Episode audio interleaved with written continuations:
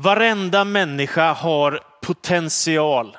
Varenda människa har olika gåvor som vi har fått som är medfödda talanger, möjligheter som vi kan förverkliga. Och därför är det så viktigt vad du gör med ditt liv. Därför att livet är ett antal år, det är en begränsad sträcka som vi har fått. Och frågan är vad du gör med de dagar som du har fått. Om du tar några av Bibelns gestalter som för mig är tragiska, så kan jag nämna Simson till exempel. Han som var så fruktansvärt stark, som kunde besegra den ena efter den andra, men slutar med en tragedi att han dör för att han säljer ut sin själ. Eller om du tar ett sånt namn som Judas Iskariot, kallad av Jesus att följa honom och ge sitt liv och hjärta för honom, slutar som en förrädare som går och hänger sig själv. Ett misslyckat liv. Eller om du läser om den otäcka drottning Isabel i gamla testamentet som förföljer Guds profet Elia och vill ta livet av honom och som förslösar sitt liv och sin potential. Något av det mest tragiska jag vet, det är när jag ser att människor har gåvor som inte kommer i tjänst helt och fullt. Eller när människor fullständigt spolierar sina liv och missbrukar eller slösar bort möjligheter och chanser. Öppna dörrar som står där för dem som stängs därför att man väljer oklokt och gör dåliga val. En av de stora tragedierna det är när människor inte lever för något högre syfte, inte har någon djupare mening med sitt liv och inte är inriktade på ett mål som man är på väg emot. Det är ungefär som att köra bil med GPS, alltså att man kan veta var man ska komma, men utan att ställa in GPSen på en destination och bara köra omkring. Och så kommer man ingenstans och man är inte på väg någonstans och det finns inget syfte och ingen djupare mening. Ibland lever vi människor våra liv på det sättet.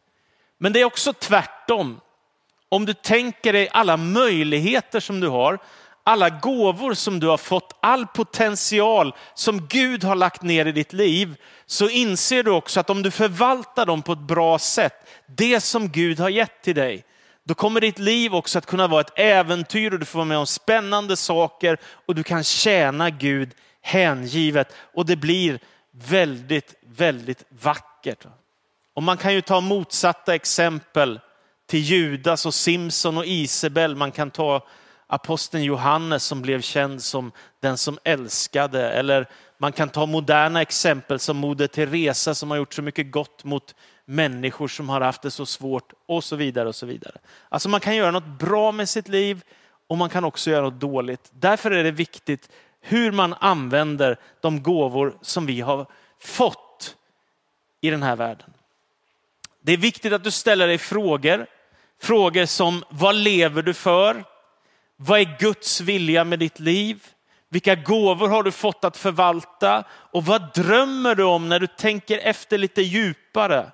För det kan väl inte bara vara så att meningen är att vi ska låta dagarna bara komma och gå som det inte finns något djupare syfte eller någon högre mening med livet. Därför är det viktigt att du är på jakt efter det som Gud har för ditt liv. Jesus berättar i Matteus evangeliets 25 kapitel om tre olika tjänare som har en herre som ger dem gåvor, talenter kallas det för i den berättelsen och det är stora gåvor. Kanske motsvarande 30 kilo guld är en talent, alltså det är en jättestor skatt som de får. En får en talent, en får tre och en får fem. Och sen åker deras herre iväg och så säger han förvalta det här nu på bästa sätt du kan. Han som har fått fem talenter gör det bästa han kan, tjänar fem till. Han som har fått tre talenter gör det bästa han kan, tjänar tre till. Den som har fått en talent gräver ner den i marken och väntar på att hans herre ska komma tillbaka. Det är en liknelse som Jesus berättar som faktiskt säger någonting om vad det är att förvalta ett liv, att ta ansvar för det enda liv som vi har fått och att försöka göra någonting bra av det och förmera de gåvor du har fått. Använda de talanger du har söka efter andliga nådegåvor, fördjupa ditt liv med Gud så att du kommer någonstans på resan med honom. En av de mest gripande ögonblick i Nya Testamentet, det är när det berättas om Maria, Jesu mor. Att hon får besök av en ängel från himlen som berättar om att hon ska föda Messias. Och så svarar Maria med de här orden. Jag är Herrens tjänarinna. Må det ske med mig, med, dig, med mig som du har sagt. Jag är Herrens tjänarinna. Må det ske med mig som du har sagt. Det tänker jag är den stora öppningen för varje människa. Gud, det som du har tänkt för mitt liv, det vill jag förverkliga, det vill jag göra. Nu vill jag ta dig med till Efesebrevets andra kapitel. Och då står det så här ifrån den fjärde versen. Efesierbrevet 2 och 4.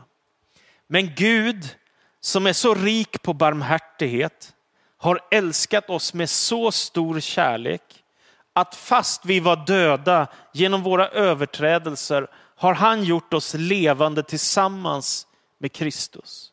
Av nåd är ni frälsta och uppväckt oss med honom och gett oss en plats i himlen genom Kristus Jesus. Därmed ville han för kommande tider visa den överväldigande rika nåden i sin godhet mot oss genom Kristus Jesus. Ty av nåd är ni frälsta genom tron, inte av er själva. Guds gåva är det. Det beror inte på gärningar och ingen ska kunna berömma sig. Vi är hans verk, skapade genom Kristus Jesus till att göra de goda gärningar som Gud från början har bestämt oss till. Det här är starka bibelverser. Det säger att Gud älskar oss så högt och att han har gjort oss levande genom Jesus Kristus. Det vill säga synden som finns hos alla människor förstör och gör att vi drabbas av någon form av andlig död. Men Kristus kan göra en människa andligt levande när man blir född på nytt eller frälst eller ett Guds barn eller man tillhör Gud. Denna eviga gudomliga kärlek, det är det största mysteriet som finns i denna värld, det mest ofattbara mirakel som existerar, att Gud älskar oss mer än någon annan. Och det största man kan få vara med om som människa, det är att börja upptäcka att vi är inbjudna till Guds stora plan. Att träda in i hans stora berättelse och på det sättet få en djupare mening med vårt liv än att bara leva för oss själva. Vi kan börja leva för Gud och för Kristus och bli del i hans eviga rike. Det är helt fantastiskt. Och allt beror på en enda sak. Guds oerhörda nåd igenom Jesus Kristus. Kristus är den som öppnar dörren till Gud för oss. Då säger aposteln Paulus i Efesierbrevet 2. Av nåd är ni frälsta. Det beror inte på gärningar och ingen ska kunna berömma sig. Alltså vägen till frälsning, vägen till Gud, den är Kristus. Men det är bara halva sanningen. Sen säger han också, men vi är skapade till att göra goda gärningar i Kristus av nåd. Ungefär så. Så det vill säga den ena sanningen det är denna att det finns ingen väg att rädda sig själv och frälsa sig själv. Och vi blir inte frälsta eller räddade av gärningar eller Guds barn genom våra gärningar. Men den andra sanningen det är ju detta att just därför att vi är Guds barn så välkomnas vi in i detta väldiga eviga rike där vi är kallade att göra gott mot våra medmänniskor och använda våra gåvor. Vi brukar ofta betona nåden när vi läser Efesierbrevet 2. Men det står i vers 10 att vi är hans verk skapade genom Kristus Jesus till att göra de goda gärningar som Gud från början har bestämt oss till.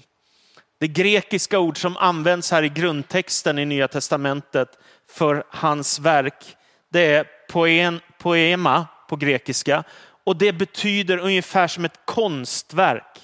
Jag älskar den bilden, som om Gud har förberett någonting i ditt liv som ett konstverk som ska fullbordas och målas som en vacker tavla. Gud har lagt potential och gåvor och talanger i ditt liv som du kan använda för att hans rike ska utbredas och för att hans vilja ska ske i den här världen. Du kan vara del av Guds syfte med den här världen. För mig är det helt fantastiskt. Livet blir så mycket större. Man kan ju använda sina gåvor bara för sin egen skull. Tjäna pengar, kunna köpa ett hus, kunna köpa en bil, kunna få en vettig vardag och så investera på banken och så tickar pengarna på och åren går. Men finns det inget mer än så?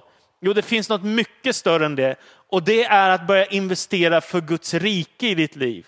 Du kan till exempel istället för att bara spara pengar till dig själv understödja ett missionsarbete, människor som lever i svält som kan få mat eller barn som inte har möjlighet att gå i skola som kan få ha råd att gå i skola helt plötsligt. Eller människor som aldrig någonsin har hört evangeliet om Jesus Kristus. Genom att du investerar i Guds rike med din ekonomi till exempel, så kan vi skicka missionärer som predikar de goda nyheterna om att Jesus Kristus har dött för våra synder, att han har uppstått ifrån de döda, att han lever igen och att han kan frälsa och rädda vem som helst och sätta oss i relation till Gud. Du kan få investera med ditt liv i Guds rike. Så vi gör inte goda gärningar för att bli frälsta.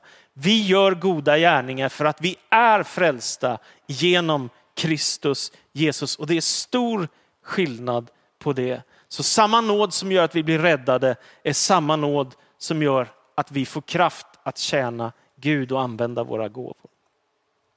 Aposteln Paulus skriver i första Timoteus 1 och 12 om det oerhörda att Gud har kallat på honom. Han som förföljde de kristna tidigare. Så skriver han, jag tackar honom som gett mig kraft, Kristus Jesus vår Herre. För att han fann mig värd förtroende och tog mig i sin tjänst. Det är en sån stor insikt av tacksamhet. Paulus som har förföljt de kristna och till och med varit med och sett när kristna har blivit martyrer. Han säger nu, jag tackar dig Gud för att du fann mig förtroende värd att få stå i din tjänst. Och så blir han en av urkyrkans allra viktigaste missionärer. Det är häftigt också att få se när Gud kallar på människor. Eh, innan jag flyttade till Karlstad för drygt tio år sedan och blev pastor här så jobbade jag i Pingstkyrkan i Jönköping. Och under tio års tid så jobbade jag dels som pastor men också som bibelskolelärare. Vi hade en ettårig bibelskola i Jönköping och kanske 300 elever under de där tio åren. Och några av dem är pastorer idag till exempel, eller ungdomspastorer. Och det är fantastiskt att få se när Gud kallar på en människa och den människan börjar söka sig mot det som Gud har tänkt för dens liv. Det är helt fantastiskt. Och det rör mig varje gång jag möter människor som säger Gud knackar på mitt hjärta, han vill något med mitt liv och jag ska göra det som han har sagt. Så det Gud har för dig, det är så viktigt. Och det kan hända på så många olika sätt. Det är ju inte bara att tjäna Gud i en kyrka, utan det är överallt där vi finns. En läkare som opererar en människa som är svårt sjuk gör en gudstjänst. En lärare som tränar barn i att läsa och skriva gör en gudstjänst om man gör det för Guds ära. Och någon som hjälper människor som är i kris, i samtal, gör en gudstjänst. Därför kan du få använda dina gåvor till Guds ära, vad du än gör. Aposteln Petrus han säger så här i första Petrusbrevet 4 och 10 och 11. Tjäna varandra med den nådegåva han har fått som goda förvaltare av Guds nåd i dess många former. Den som talar ska komma ihåg att han får sina ord från Gud. Den som tjänar att han tjänar med den styrka som Gud ger. Låt Gud förhärligas i allt detta genom Jesus Kristus. Hans är härligheten och makten i evigheters evighet. Amen. Det vill säga, de gåvor du har fått, och man kan också be om andliga gåvor, andliga nådegåvor som det står om i Nya Testamentet i Romarbrevet 12 och första Korinthierbrevet 12 till exempel.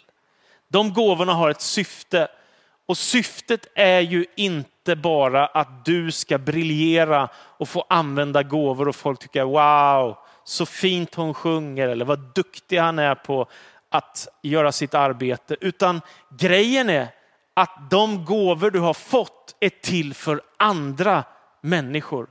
För att andra människor ska få bli välsignade, uppmuntrade och för att du ska ära Gud med dina gåvor. Och Det är så radikalt Petrus säger i ett av sina brev att vi är alla kallade att vara präster. Vi tänker ofta att präster och pastorer är de som är avlönade i en församling. En kyrka betalar lön och så jobbar man som präst eller pastor. Men egentligen så är alla kristna, alla som bekänner Jesus som Herre, präster inför Gud. Det vill säga man har ett uppdrag att ära Gud, att ge evangeliet till världen, att hjälpa människor. Vi är alla kallade att vara präster inför Gud. Inte bara den som predikar eller den som missionerar eller den som gör gott, utan alla är kallade att tjäna Gud. Sen finns det många olika sorters gåvor. I Romarbrevets tolfte kapitel så talar aposteln Paulus om profetians gåva, tjänandets gåva, undervisningens gåva, tröstens gåva, gåvan att frikostigt dela med sig, gåvan att vara nitisk som ledare, gåvan att med glatt hjärta visa barmhärtighet. Vad betyder det? Jo, det betyder att den kristna kyrkan är en stor gemenskap.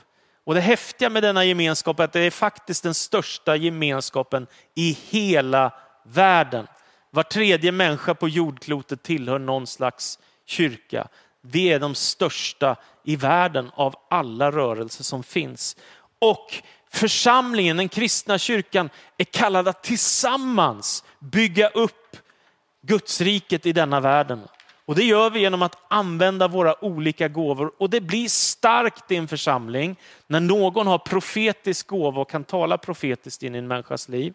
När någon tröstar och hjälper och när någon är frikostig och delar med sig och är generös. Och någon säger jag är nitisk som ledare och vågar stå upp som ledare oavsett vad andra säger och tycker. Eller att ha undervisningens gåva och predika ordet. Och så finns det massor av olika gåvor. De här gåvorna är ju inte bara till för församlingen också, de gåvor som vi har fått, talanger och potential, utan de kan man använda i sitt yrkesliv, på sin skola eller där man finns i sin vardag.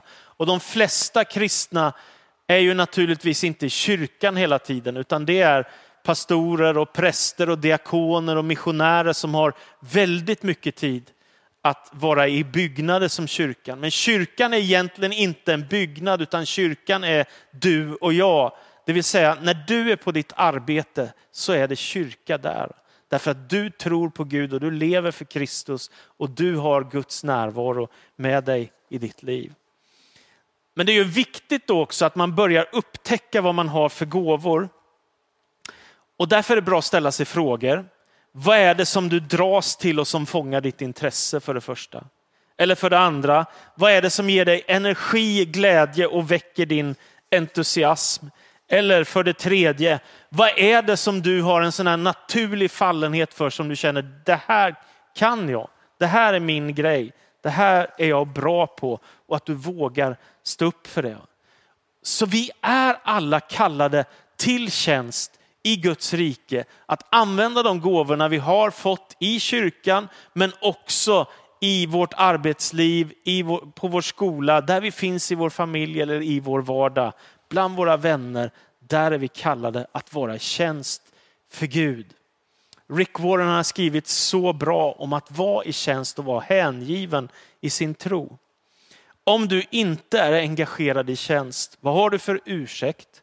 Abraham var gammal, Jakob var osäker, Lea var ful, Josef var misshandlad, Moses stammade, Gideon var fattig, Simson var beroende, Raka var omoralisk, David begick äktenskapsbrott, Elia ville ta livet av sig, Jeremia var deprimerad, Jona var motspänstig, Nomi var änka, Johannes döparen var excentrisk, Petrus var impulsiv och hetlevrad, Marta oroade sig mycket, den samariska kvinnan hade flera misslyckade äktenskap bakom sig, Sakaios var impopulär, Thomas tvivlade, Paulus var klen till hälsan, Timoteus var blyg, och det var stor variation på deras brister.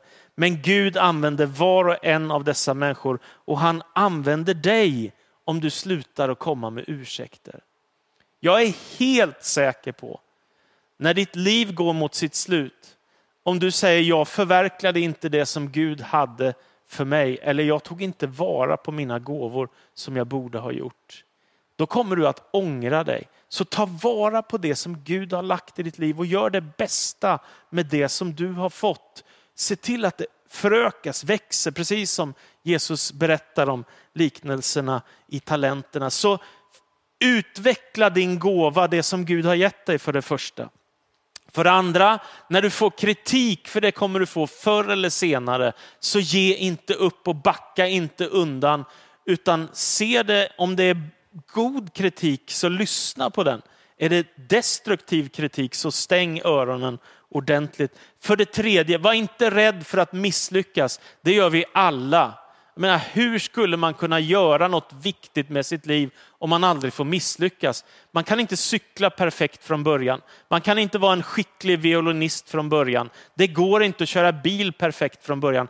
Allt kräver träning, allt kräver utveckling och kunskap. Och till slut, Paulus skriver också i första Korinthierbrevet, det tionde kapitlet så här. Om ni äter eller dricker eller vad ni än gör, så gör allt till Guds ära. Det här är så befriande för mig. Det löste mig, tycker jag, tydligt. För jag tänkte så mycket när jag var ung kristen, att om jag läser Bibeln då är jag andlig och om jag ber då är jag andlig och om jag delar med mig av min tro och evangeliserar då är jag andlig. Eller om jag fastar då är jag andlig och då kan jag göra saker till Guds ära. Men aposteln Paulus tar med hela livet in i den kristna tron. Och så säger han om du äter eller dricker eller vad du än gör så gör allt till Guds ära. Om du lever för något större än dig själv, om du lever för Guds ära, då kommer du märka att ditt liv blir väldigt, väldigt meningsfullt, spännande och ett äventyr. Andrew Crouch, han har skrivit så här till slut. Hur kan jag tacka för allt som du har gjort för mig? Varje liten sak är bevis på din kärlek till mig. En lovsång från miljoner änglar kan inte uttrycka min tacksamhet. Och vad jag nu är och någonsin kommer att bli lämnar jag helt till dig.